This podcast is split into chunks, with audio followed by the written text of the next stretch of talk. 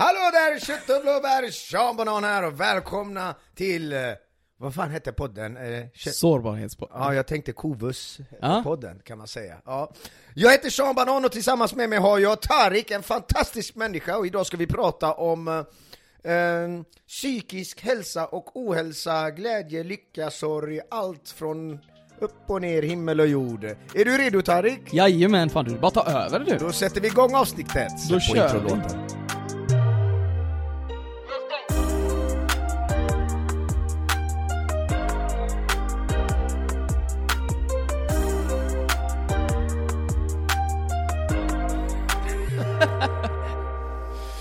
Hur mår du? Jag mår eh, faktiskt jättebra nu, men Mm. frågan är liksom om, när, när, när det handlar om det här ämnet, vad är att må bra? Vad är att må bra? Alltså för mig att må bra är ju att ha mina närmsta människor i mitt liv. Och att känna att jag kan utvecklas och få dem att utvecklas. Att kunna sprida glädje till dem. Men sen när du har fått det, och du mår bra av det, och det händer varje dag i tio år, kommer du må lika bra av det, eller kommer du bli bortskämd av det? För, för mig är må bra state of mind. Mm. Så man kanske har allt man vill ha, som du nämnde nu, men du kanske får inte må bra fortfarande. För det handlar ju om eh, vad, liksom, fan, hur ska man säga? Typ att hitta ett mindset där du är nöjd med det du har. Ja!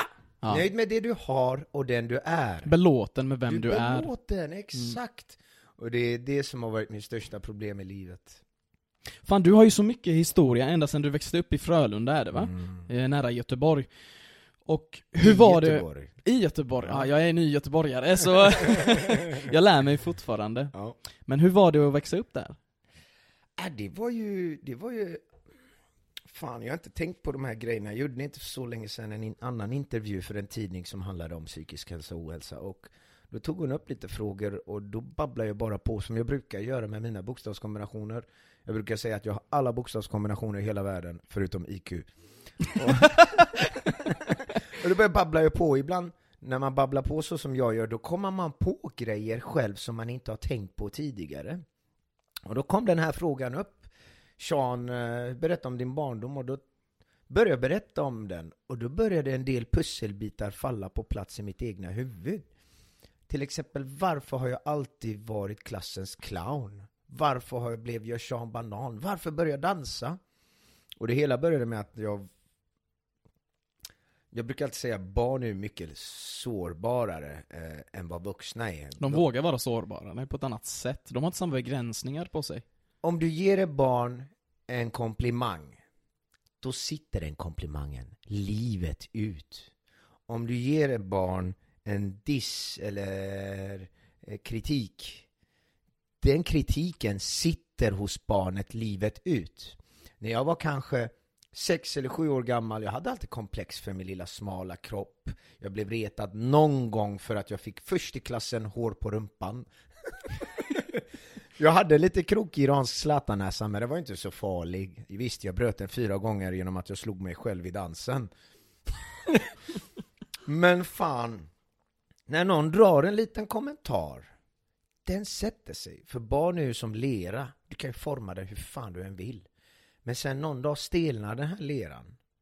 Och då kommer det förbli så resten av livet. Så jag kommer alltid ha komplex över min smala kropp. Jag kommer alltid skämmas över någonting som någon har dragit en kommentar över. Visst, jag har ko- komplex över att jag har lite hår i rumpa, men det bryr jag mig inte längre idag, för då trimmar jag den. Och visar upp den för den delen. ja, ja, nu tjänar jag pengar på att visa den till svenska folket. Men, så komplex hade jag och mådde inte så bra över det. Men sen finns det ju fler faktorer. Eh, Jag blev ju retad ibland för det och man kände sig utanför. Hade du några specifika smeknamn du blev kallad? Senap, Senap? för mitt riktiga namn är Sina, och jag blev kallad för Senap. Men det, de, den form av mobbing jag gick igenom, den var ju inte sån här typisk klassiska. Man får inte glömma att barn tar in på olika sätt. Lilla Tarik när han var fem år gammal, om jag börjar skämta om kanske något hemskt, då kanske inte han tar åt sig lika mycket. Men lilla Lisa kanske, om du säger att oj, ditt, ditt ena hårstrå var längre än det andra, då kommer hon gå runt kanske och ha komplex för det resten av livet. Så olika kommentarer och komplimanger slår olika nivåer hos olika barn. Det fanns, jag blev ju inte grovt mobbad på det sättet, men det fanns vissa grejer som gjorde att jag, det satte sig på mig. Till exempel, det var en gång när jag var liten på gården i Frölunda på Nävelerdsgatan. Och då började jag bråka, inte, jag började inte bråka, jag var ju konflikträdd. Jag ville ju bara få alla att skratta och le. Och då var det en klass, eh, en kille som på- hette på gården som hette Mahdad, iranier. Mahdad. Och då skulle vi bråka.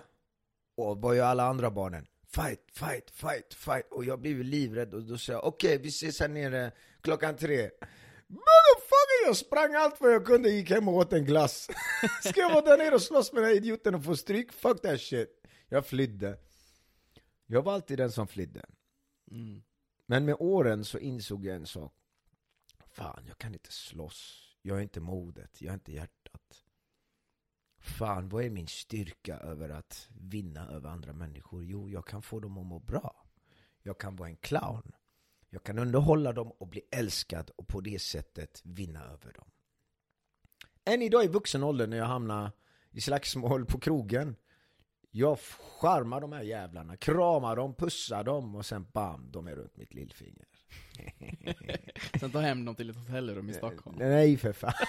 Jag pratar om snubbar, inte tjejer som ska slå mig nu. Men det var det, så jag ville ju alltid bli älskad, jag ville ha en plats. Mm. Och mamma fanns ju också i mitt liv, och pappa och storebror och stora syster. Och så bam, gick morsan bort när jag var 11 eller 10 av cancer. Och syskonen flyttade hemifrån och plötsligt blev det tomt hemma.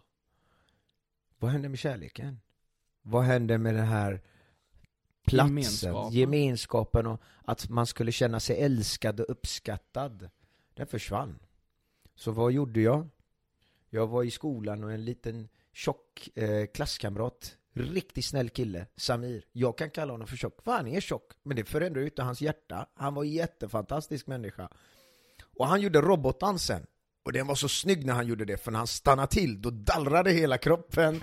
Så effekten av hans popping och robotdance blev mycket bättre på grund av hans form. Och då började jag battla honom på skoj. Och alla i klassen bara Wow Sean, du är ju grym på det här. Där började jag dansa.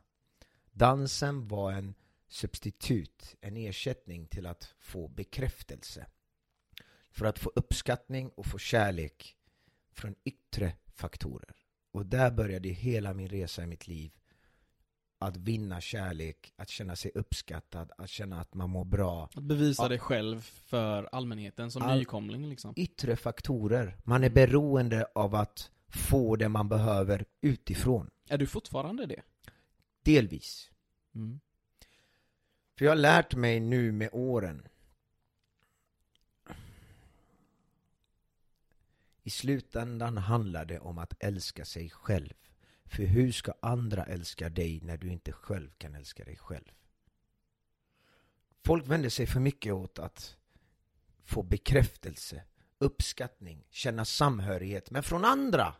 Folk skiter i att känna sig själva samhöriga, att känna sig själva stolta över sig själva. Att lära sig att älska sig själva, att lära sig att prioritera sig själva.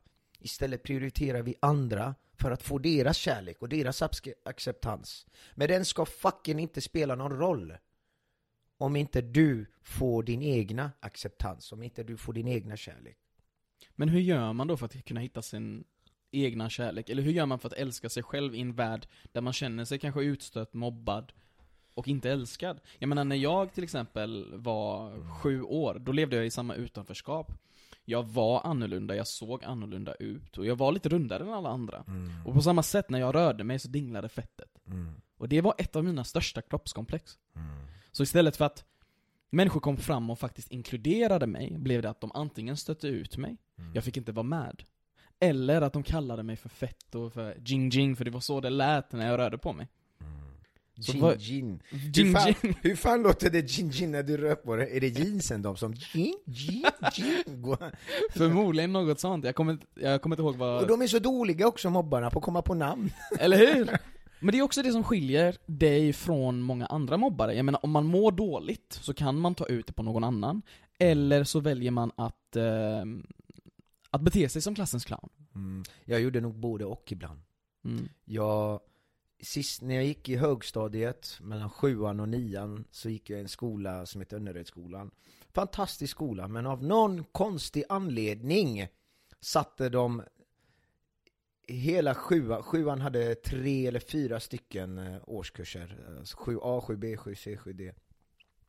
Av någon konstig anledning satte de 99% av svartskallarna i en och samma klass. Eh, de tänkte kanske de här problembarnen, de med ADHD eller de här som har lite svårare, de strulputtarna, de sätter vi i en och klass, då stör vi inte de andra klasserna. Visst, det fanns andra klasser med någon invandrare i, men vad fan.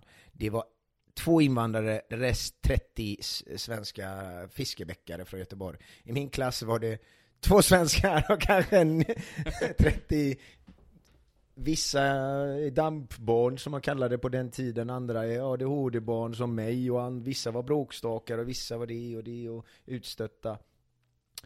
Och problemet är ju då om man lär sig inte att man lär sig inte den här sociala kompetensen om man inte får en bland en blandad eh, miljö av människor.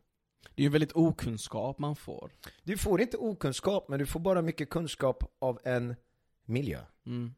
Hur det var runt alla mina invandrarklasskamrater, hur det var att vara runt alla andra med bokstavskombinationer, hur det var och Jag kommer inte att lära mig hur det är att sitta, jag fick aldrig lära mig hur det var att sitta bland 30 svenskar som jobbar med sin jävla EU-moppe och prata om båtar och skit. Jag kunde ingenting om det för att jag fick inte möjligheten. Och det är samma sak i dagens samhälle. Att många invandrare inte får lära sig svenska för att du sätter dem mitt bland massa andra som inte kan svenska. Hur fan ska de lära sig svenska då? Sprid ut skiten!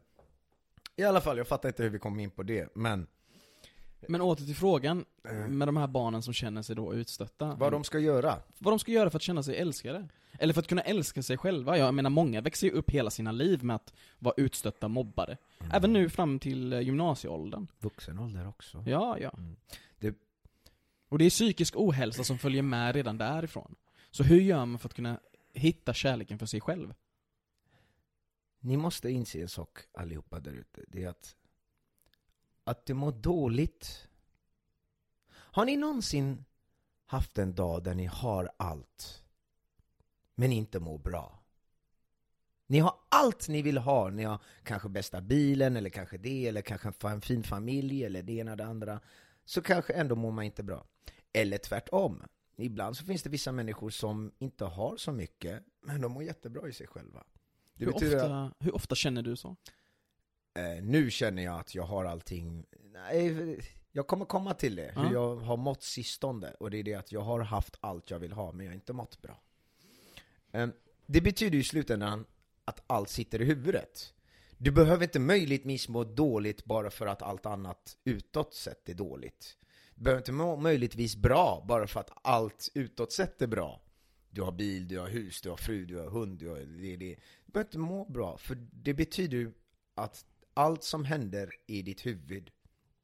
Så om du kan kontrollera, om du självmant gör att du mår dåligt ibland, inte alltid, ibland kan det vara en fysisk anledning till varför inte man mår så bra. Jag tror verkligen på att man kan bestämma om man ska själv må bra också. Men det handlar om state of mind. I, mitt, I min strategi då var det att älska sig själv.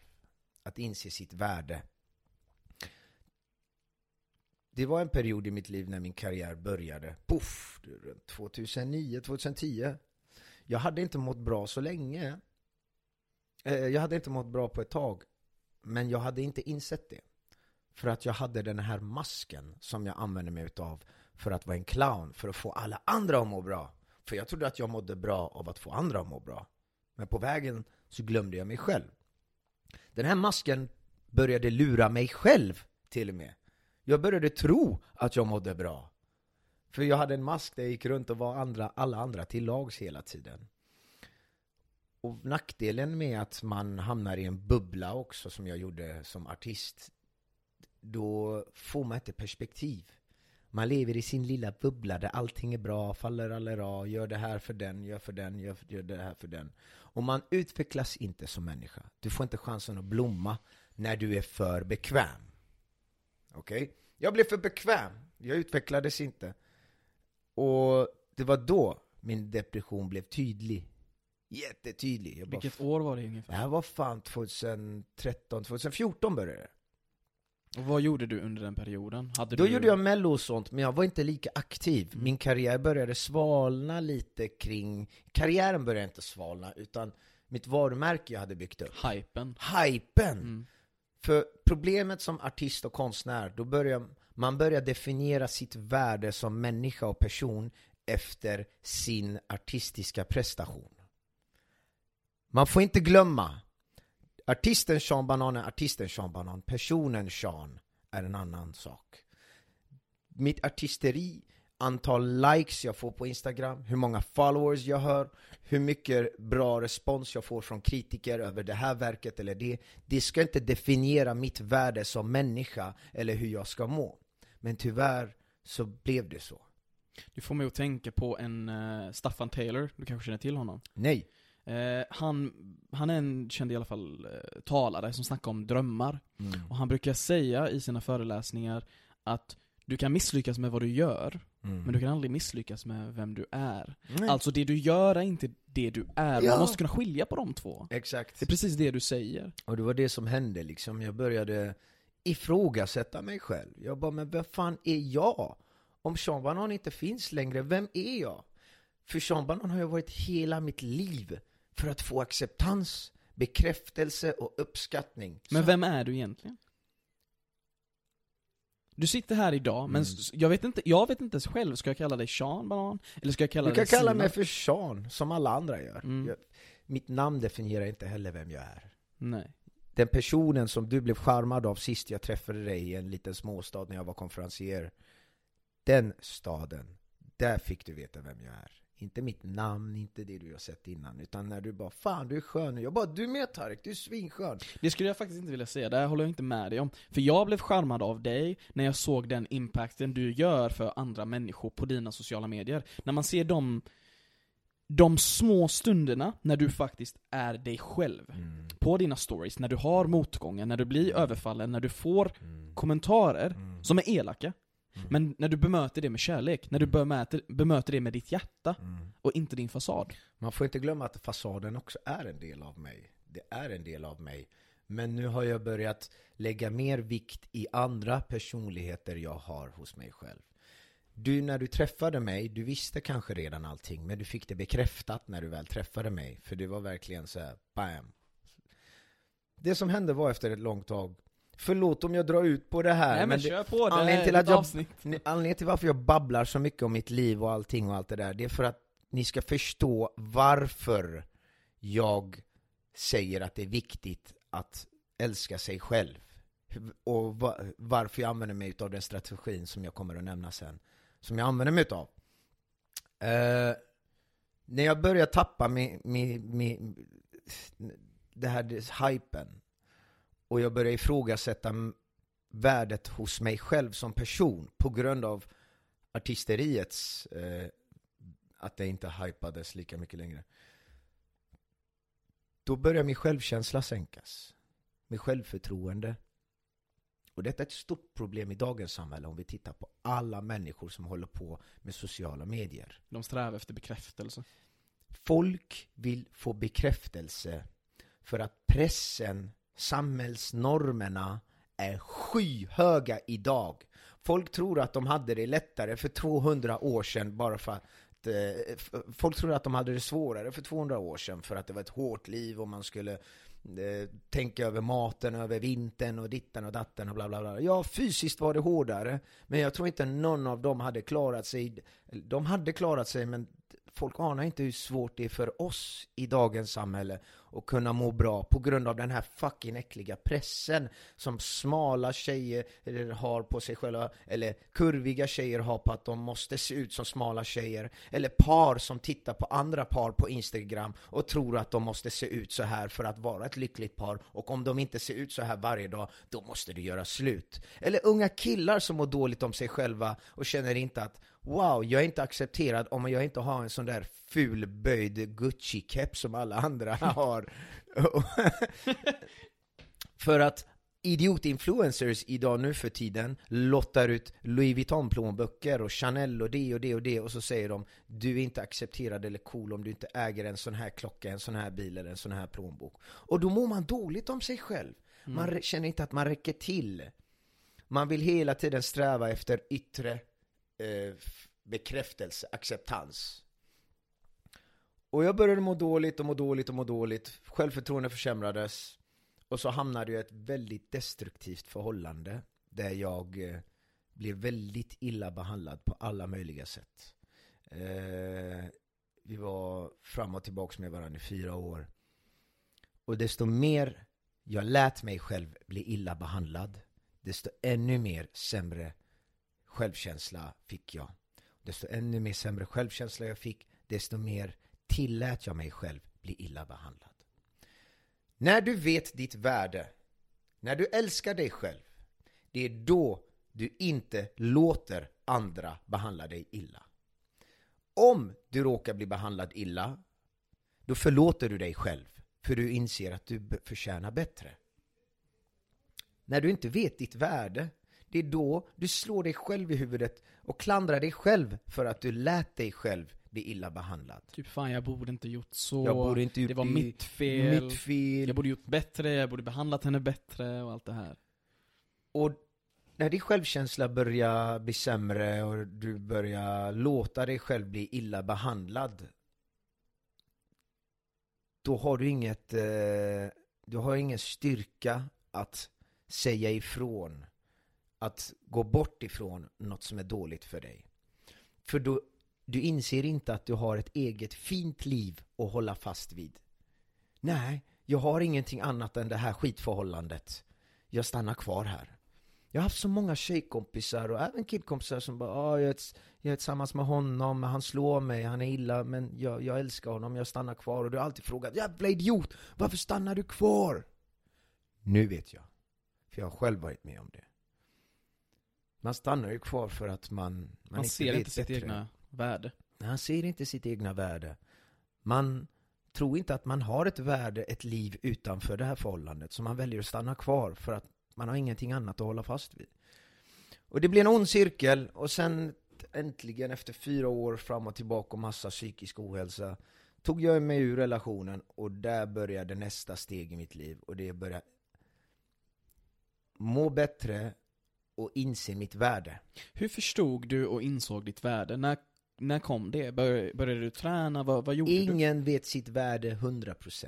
Ingen idag. Jag, jag kan slå, jag tror verkligen att ingen vet sitt värde 100%. Man kan alltid veta mer. Man mm. kan alltid göra sig själv ännu stoltare över sig själv.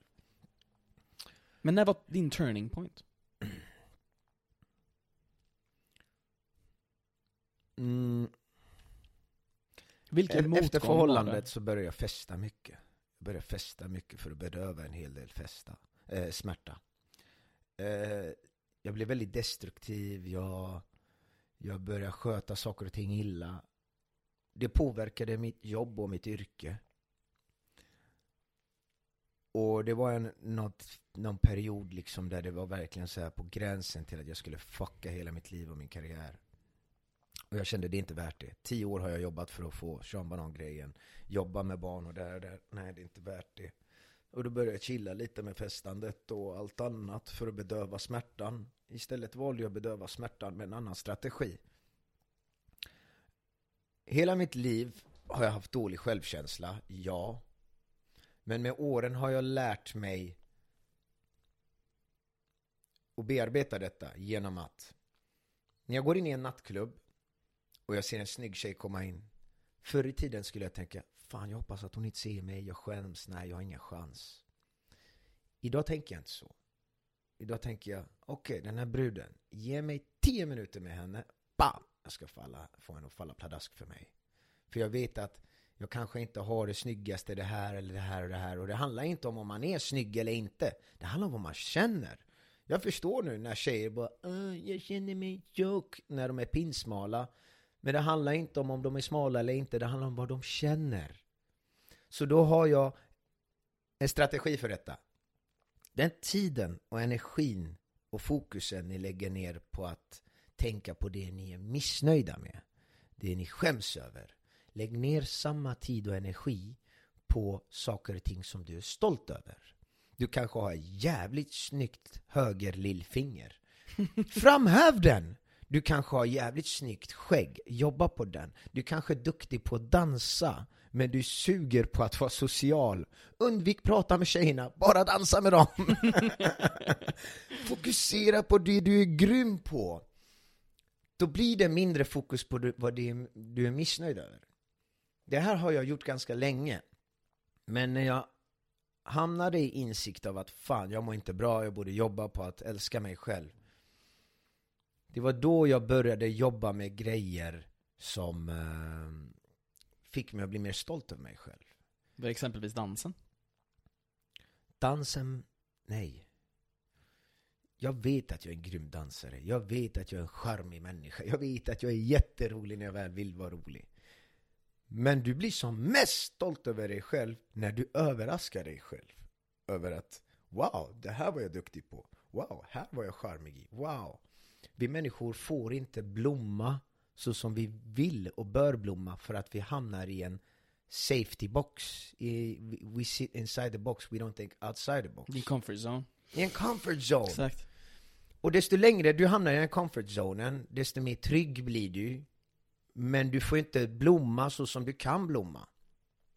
Så jag valde att göra lite nya grejer i livet. Jag har haft fobi för vatten och simma. Jag är 20 på simma för jag drunknade nästan när jag var liten vid något tillfälle. Hur gick det till? Vad, vad hände? Jag minns inte exakt, uh. men det var något när jag var jätteliten. Men det har satt sina spår. Mm. Fuck it! Jag bokade en surfingresa till Portugal i somras.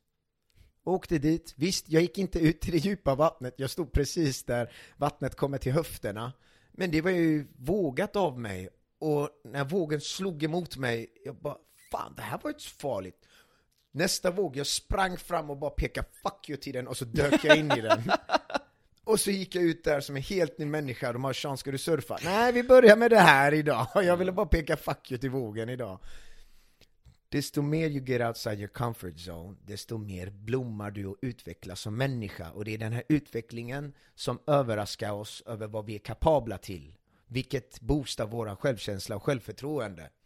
Men visst, du kan även göra grejer som du redan är duktig på. Till exempel, jag vet att jag är väldigt snäll. Jag vet att jag är väldigt generös. Fan, Idag går jag på min Instagram och köper 10 Big Mac Company och delar ut dem till hemlösa nu under kylan. Fan, nu mår jag bra av mig själv. Jag har en släkting till mig som gick igenom samma sak, en depression, på, genom en separation.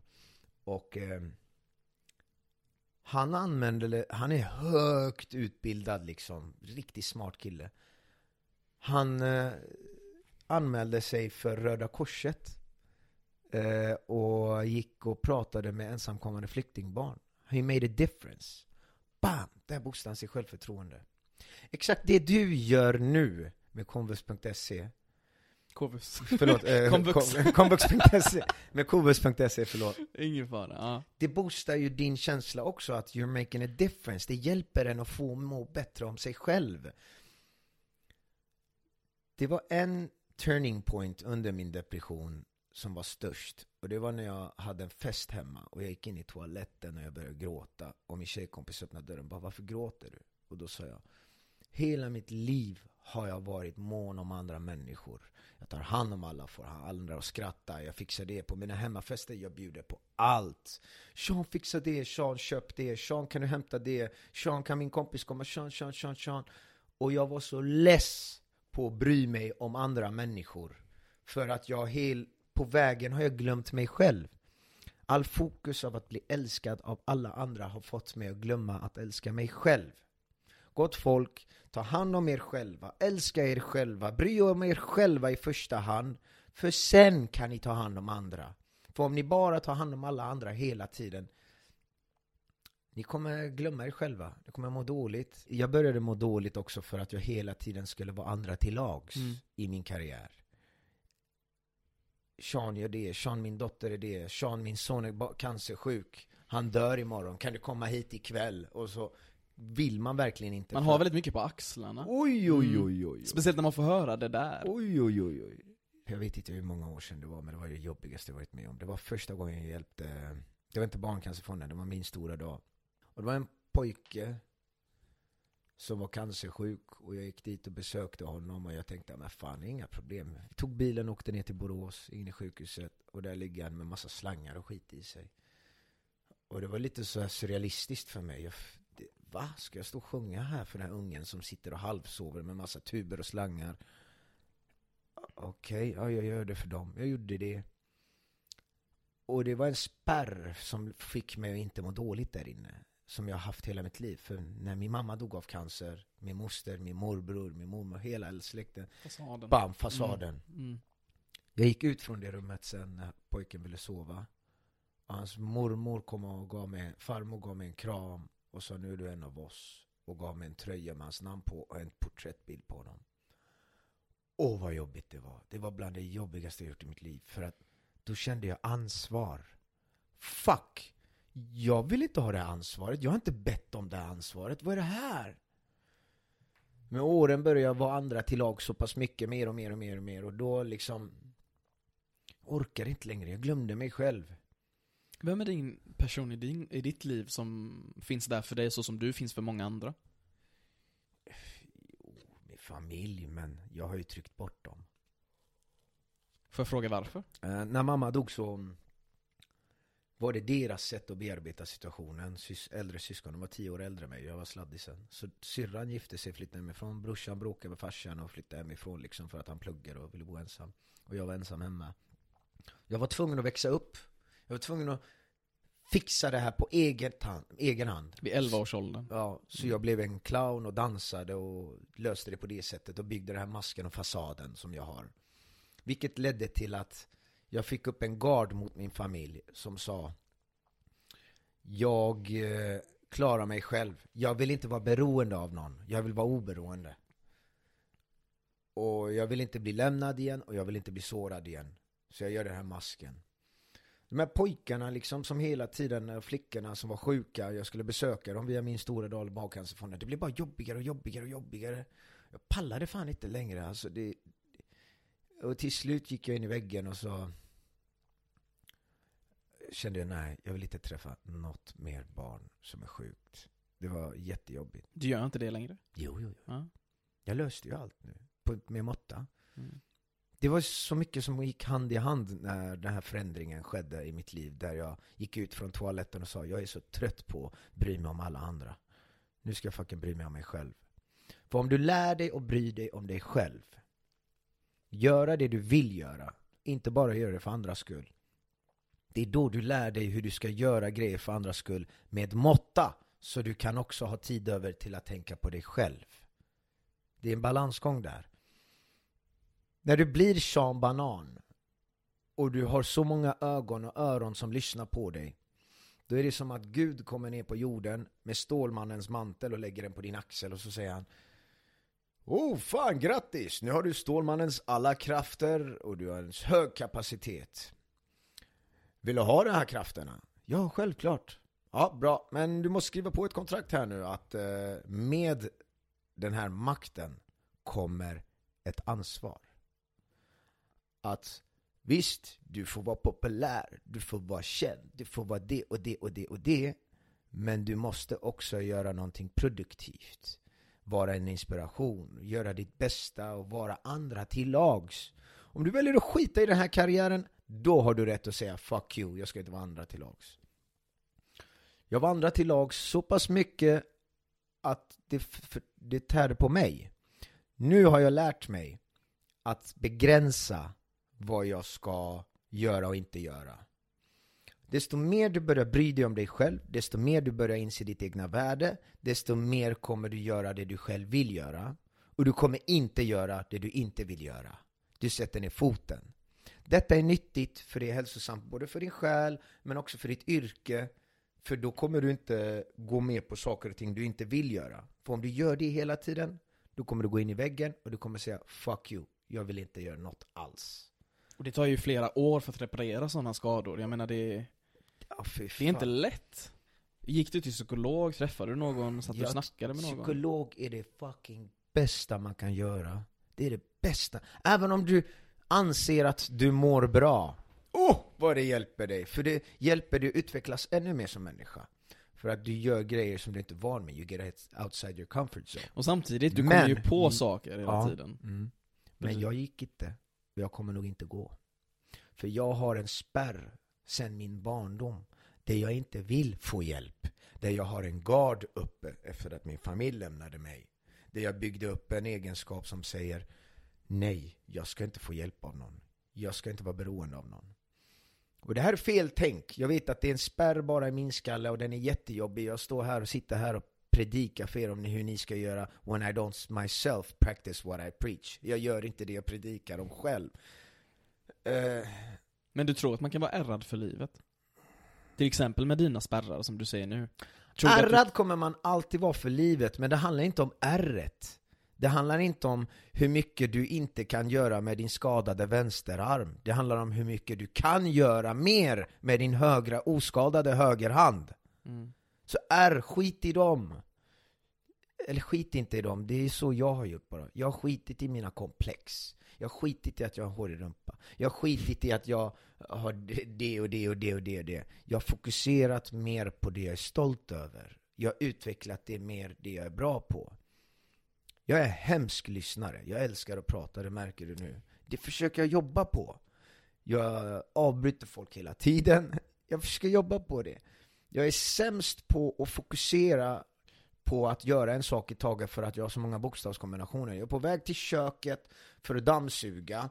På väg till köket ser jag något på bordet och den måste jag fixa. Och sen går jag till to- ja men där, jag glömde göra det här. Och sen när jag väl är i köket, vad fan ska jag göra här? Jag glömde vad jag ska göra. Jag har sådana problem, men det jobbar jag med nu. Så jag försöker bli bättre. På alla möjliga sätt. Mm. Alltså mina största osäkerheter när vi snackar om det inom barndomen, för mig var det ju faktiskt att dansa. Eh, för att jag hade ju sådana kroppskomplex över min kropp och jag var så orolig vad andra Ja. skulle säga och tycka. Så jag hade alltid alltså, en luva, en mössa, väldigt pösiga kläder på mig, för jag ville gömma mig. Men nästa grej var ju att jag hade väldigt stort komplex över min röst. Så vad jag gjorde för att Var det verkligen rösten du hade komplex det för? var min röst. För jag tyckte jag hade för... Jag kunde inte säga R rätt. Ja men du blev, blev du ritad för just rösten eller mest för att du var kurvig? Mest för att jag var kurvig, men det ledde till massa andra komplex. Till exempel, jag gillar inte att se mig själv på eh, i- video, jag, tyckte inte om att lyssna på mig själv. men det, sätter, det sitter spår. Det sätter sina spår, det gör det. Men mitt sätt att, att växa utifrån det, det var att sätta mig själv i den positionen.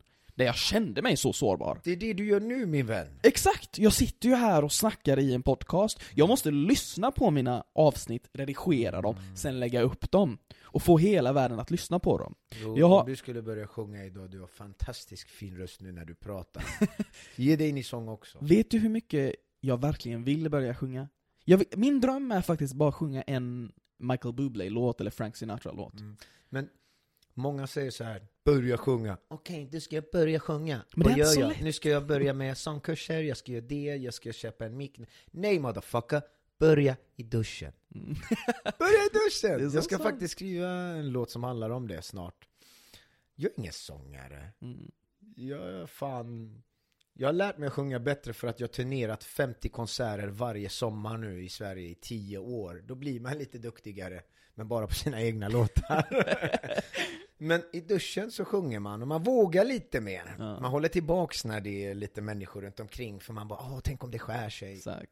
Men det är ju just det att sätta sig utanför sin comfort zone som du nämnde, till exempel när du var och surfade.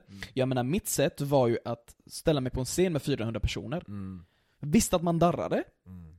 men andra gången så darrar man inte lika mycket.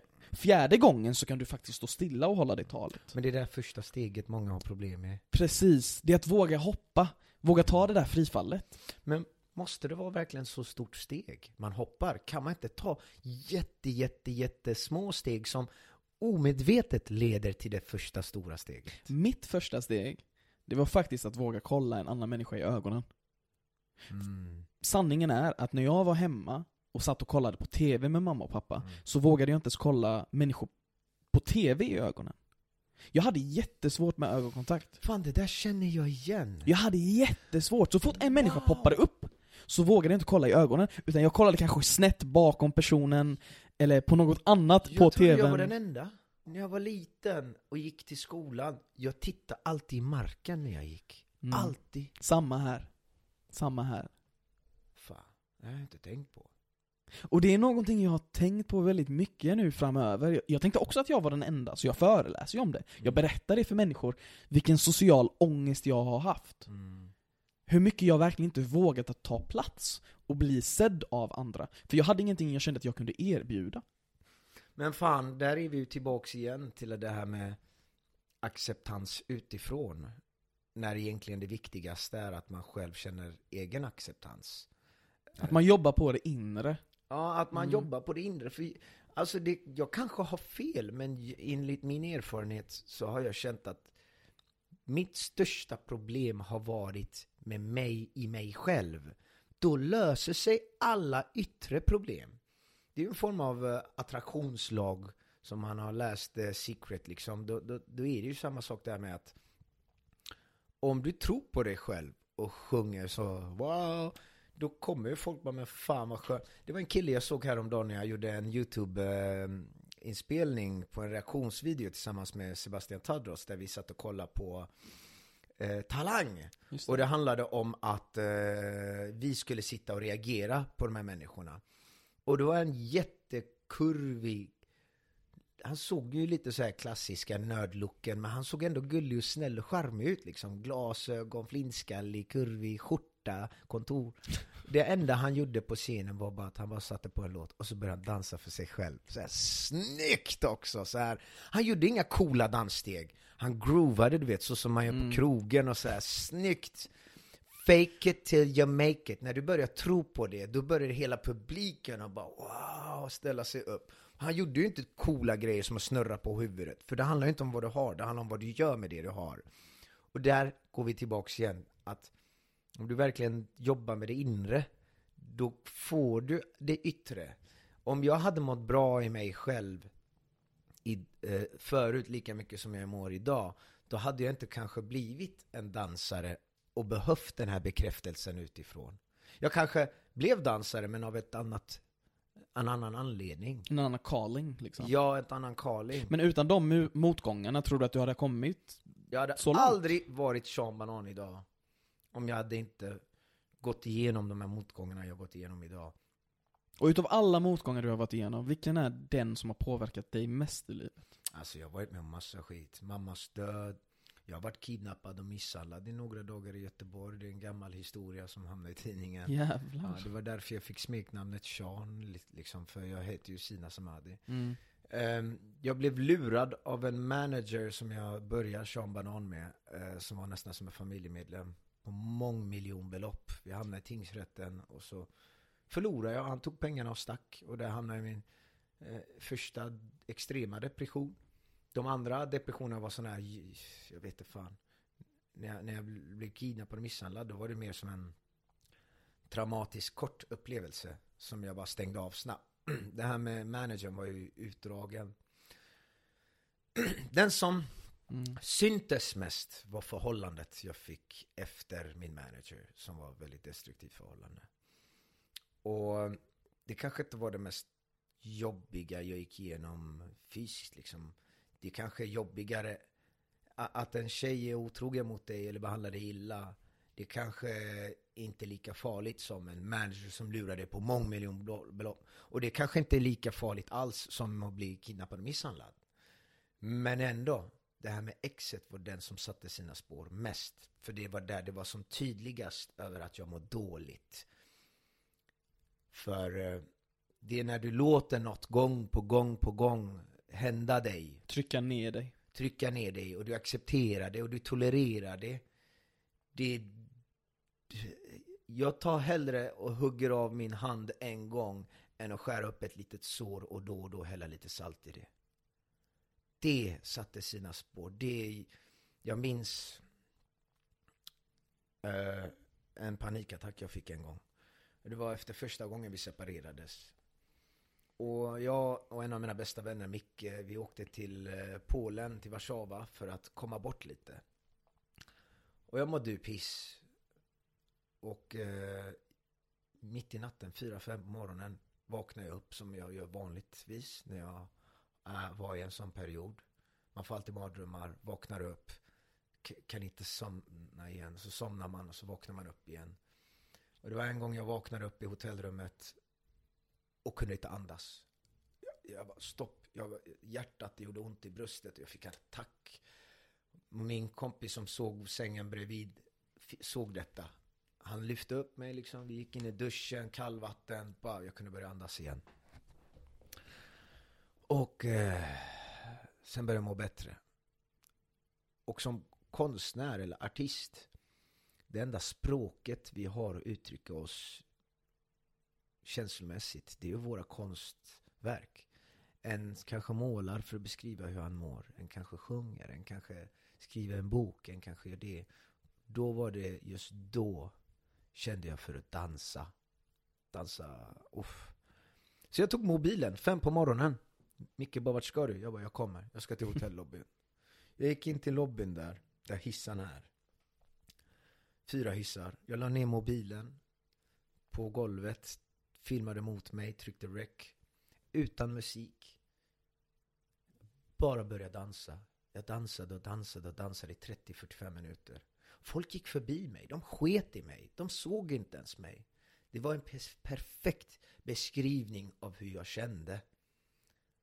Att jag är i min värld, jag är i min bubbla. Du bara var.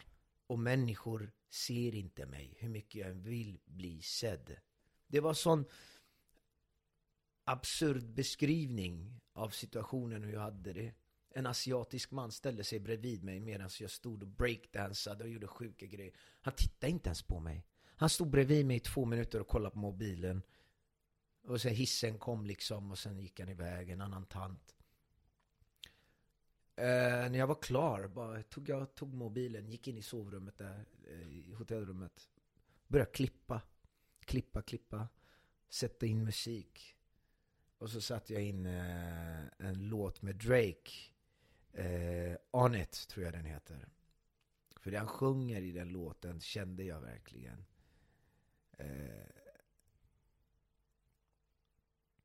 och det konstverket, jag ser det som ett konstverk för att oh, det var så mycket känslor involverat.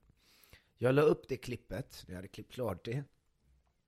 Och jag skrev en lång djup text om att inse sitt värde.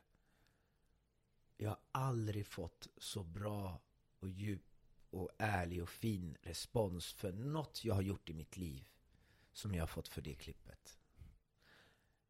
Och varje gång, än idag när jag ser på det, så då gråter jag. Men inte av lycka och inte av sorg, utan att det väcker bara mycket vad jag kände. Mycket minnen. Mycket minnen, vad jag fick gå igenom.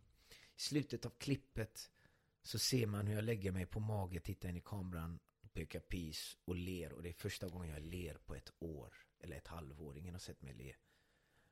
Och det är jag så stolt över det klippet. Jag ska skicka den till dig, så kan ni få kolla på det. Jättegärna, ja. Du berör verkligen. Du berör när du snackar om det du verkligen brinner för och För- vad du gått igenom. För många känner igen sig, speciellt jag. Vi, vi är så många. Vi är så många.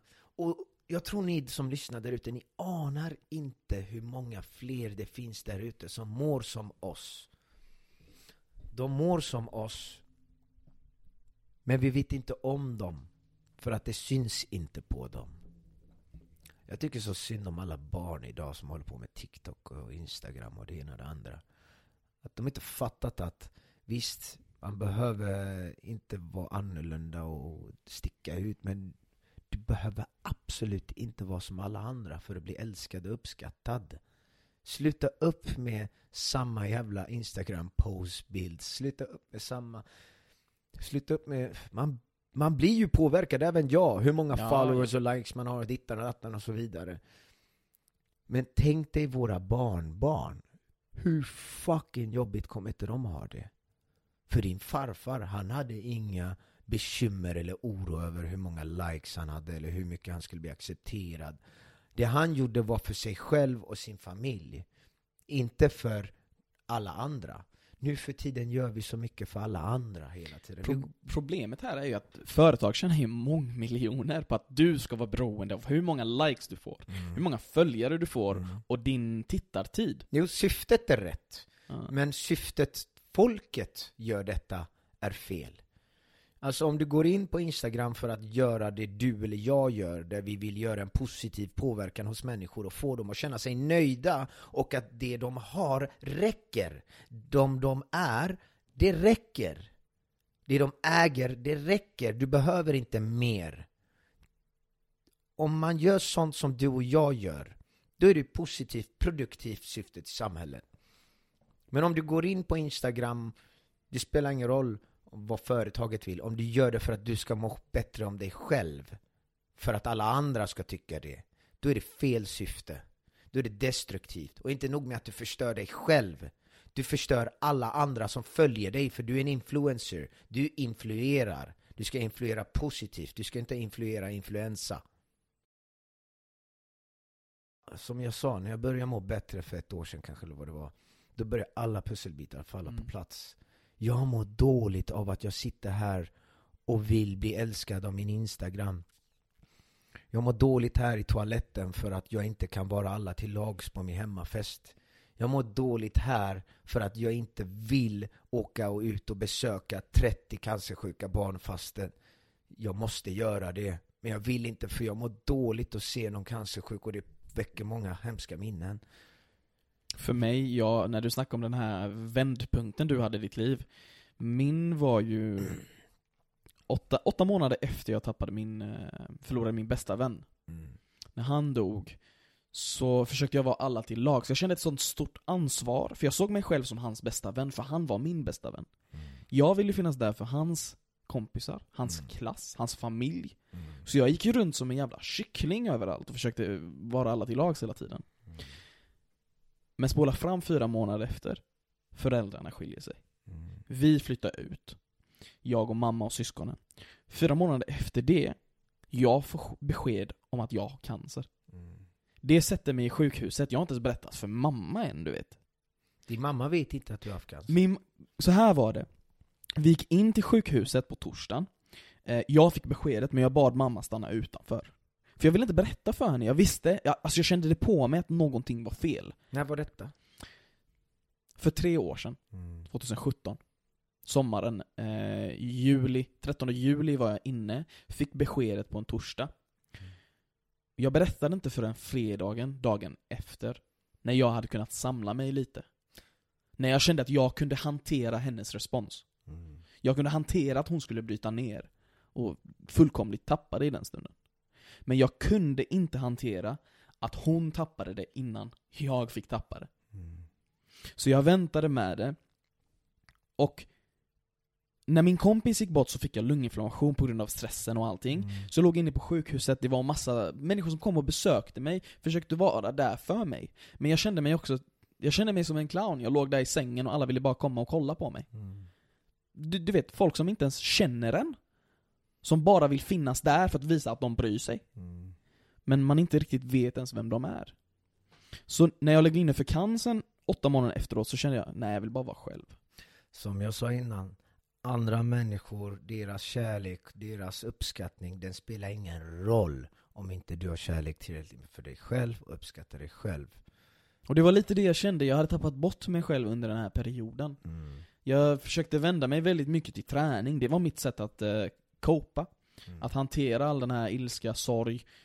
Eh, så jag började MMA, jag började träna en hel Vad är del. det med det där? Jag började också thaiboxning, visst lite för att gå ut utanför comfort Ja, zonen, ja. men för att också känna självförtroende. Men sen efter ett Mm. år kände jag bara, men fan, min självförtroende har inte blivit något bättre Mm. för att jag kan slåss och försvara mig själv nu. Samma här. Jag började MMA för att jag hade så mycket ilska. Jag menar, jag kunde sitta på bussen och vilja strypa människan framför mig. Mm. Jag visste ju att det här var inte normala känslor. Nej. Så jag gick tillsammans med min kompis Joya, eh, en av mina bästa vänner. Vi gick till eh, Växjö Titans i eh, Växjö och körde några pass. Jag menar, jag tränade i två månader, körde all out, kom hem varje dag med typ jävla blåtira, blåmärken överallt. Och jag kommer ihåg på ett av de här passen så var en, en verkligen tankeställare. Så stod jag och körde 1-2 och en spark. Mm. 1-2 och en spark, low kick. Och så säger han, ta det lugnt. Liksom, du kör för hårt, du kommer inte orka passet. Jag bara, jo, jo, jo. Och så fortsatte jag. Och så ökade jag tempot. Och så slog jag hårdare och hårdare för varje sekund. Jag hade så mycket inbyggda ilskor och aggressioner Mm. som jag bara behövde få ut. Men två månader efter det så fanns det ju ingen ilska kvar. Utan det var bara en tomhet. Jag menar, jag fortsatte inte med MMA, för det var bara mitt sätt att koppla med ilskan. Men jag vände mig dock till psykolog, jag vände mig till att samtala, till att Mm. prata med mina vänner. För att kunna fylla den tomheten med kärlek. För att kunna fylla den tomheten med klartecken om vad det var jag kände och tänkte. Det där tycker jag är jättejobbigt för mig, för jag vill gärna gå till psykolog, men problemet är en psykolog kommer aldrig kunna hjälpa mig med någonting för att jag inte är så mottaglig. Mm.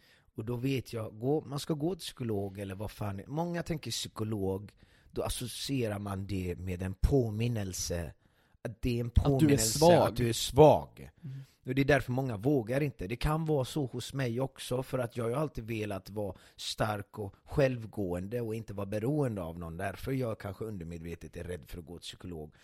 Men jag vet det att jag kommer aldrig kunna få hjälp om jag inte är mottaglig till den hjälpen. Och det är därför jag väntar lite. Vet du vad grejen är? Min mamma ville att jag skulle gå till psykolog första gången när jag var i årskurs 8. Och det är under en sån tid då många ungdomar känner sig väldigt vilsna i sig själva. Mm. Så jag gjorde det, men jag hade en väldigt instängd eh, känsla och ett instängt tankesätt. Jag kände mig väldigt svag, det gjorde jag. Så jag var inte lika mottaglig. Mm. Men när min kompis gick bort, så började jag se det med andra ögon. Jag började tänka att, nej fan det här med att gå till psykolog, det betyder inte att jag är svag. Mm. Det betyder tvärtom. Det betyder att jag har fallit så mycket, jag är så sårad. Men jag är stark nog att kunna be om hjälp, jag har inte gett upp. Mm. Att bara att faktiskt gå till psykologen innebär att du inte gett upp, att du fortfarande kämpar. Mm. Det handlar inte om vem du går till och snackar med, det handlar inte om det är psykolog, doktor eller vad det är. Nej men det är ju det, att söka hjälp, det är där min spärr ligger. För att jag har hela tiden byggt mitt liv ända sedan mammas död Att jag ska inte vara beroende av någon För att då kanske plötsligt flyttar de hemifrån som mina syskon gjorde Och då blir jag utan hjälp. Jag vill kunna bygga mig själv och hjälpa mig själv. Jag, Den där spärren, jag vill få bort den men det är inte lätt. Jag är inte så mottaglig till att gå och få hjälp oavsett om det är psykolog eller om det är terapeut eller om det är KBT eller vad fan det än är. Jag kommer inte vara mottaglig, jag kommer vara motstridig, jag kommer vara skeptisk. Och det är inte bra, för då kommer jag inte få den hjälp jag behöver. Jag tror du behöver se det på simplare termer. Jag menar om du bryter benet så går du ju till doktorn. ja, ja, För du måste få ett ja, bandage. det, det har du rätt Mm. i. Jag har ju gått till psykologer som är mina vänners syskon, Mm. där vi har suttit hemma och druckit te och bara snackat skit och så kommit in på ett ämne. Då är det ju inte så här ligga på en stol och prata och berätta om mitt liv. Då har det bara, bara varit så som du och jag pratar just nu. precis. Det ser jag också som en form av hjälp. För de här, vissa av de här grejerna jag tog upp nyss har jag inte ens tagit upp med någon tidigare på något sätt. Vissa av grejerna jag pratar om har jag själv inte tänkt på. Jag kom på det nu när du tog upp det till exempel med varför jag tittar ner på marken hela tiden när jag var liten. Det här kom jag på nyss när jag pratade med dig. Så ja, det behöver inte möjligtvis vara en psykolog. Det kan bara vara någon allmänt att prata med. Det handlar om dialogen Mm. som man har. Men det är just definitionen av att söka hjälp. Det skrämmer mig. Det skrämmer många andra där ute också. Mm. För det påminner mig om att jag är svag. Och det påminner mig om att jag kan bli ännu starkare om jag löser det här på egen hand.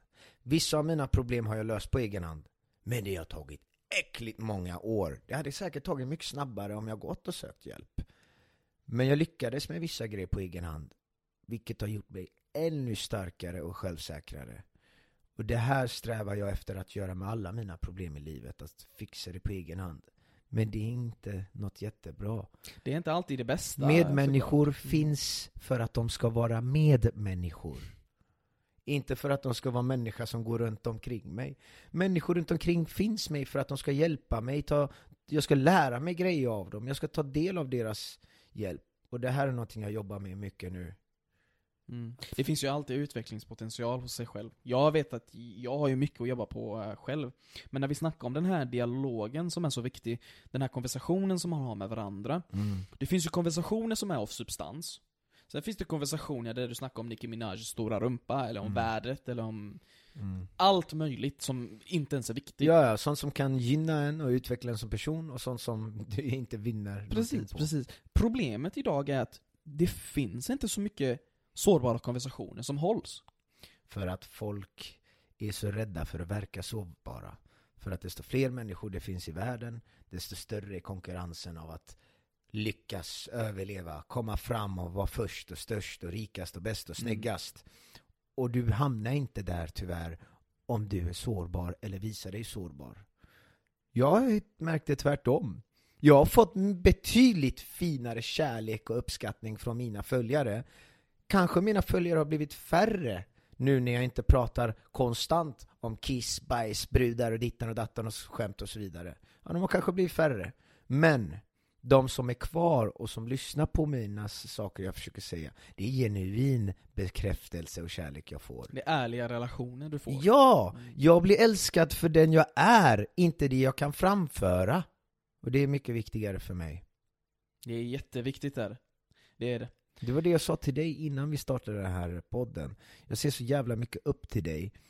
För att du driver hela den här skiten på egen hand, Kovus. Eller? Eller har du hjälp? Jag har hjälp av Mm. eh, både min flickvän och eh, några nära vänner. Jag trodde det var några stora högt uppsatta kostymnissar i kontor som satt och hjälpte dig. Nej, jag Nej, det är min hund och det är min granne, det är min flickvän som hjälper mig.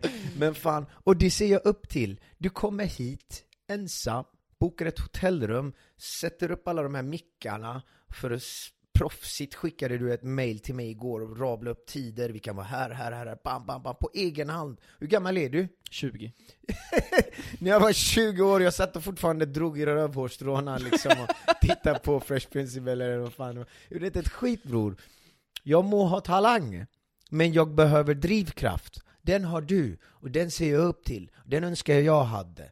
Jag, jag, jag, det är så mycket jag kan göra i min karriär, men jag har inte den här drivkraften att boka tid och gå hotellrum och sätta upp mickar och göra dittan och datten som du gör. Men vet du vad jag hittade den? Jag hittade den från att när jag låg där i skiten och jag Mm. hade de motgångarna jag, jag ville inte bara lägga mig där. Jag gjorde något då av det, precis som du har gjort med Då dina behöver jag lära mig lite av dig, för jag, jag mår kanske bättre, men jag är fortfarande i en ond cirkel där jag inte är lika driven och eh, tar tag i saker och ting för att fixa det som du gör nu. Fan, vi får lära varandra. Ja, ja, definitivt. Det är det som kallas för medmänniskor. Precis. Sist men inte minst, har du några lärdomar eller någonting du vill lämna till våra lyssnare? Några sista ord? Grund och botten handlar det om att älska sig själv och inse sitt värde. Men då frågar alltid många mig, men Sean, hur ska jag ta reda på mitt värde? Hur ska jag veta hur jag ska lära mig älska mig själv? Hur fan ska jag veta det? Jag är ju inte du dumskalle. Bara du vet själv. Men du kommer aldrig inte, du kommer aldrig ta reda på det om du inte provar. Get outside your comfort zone. Om du är deppig och konstant hemma, gå ut.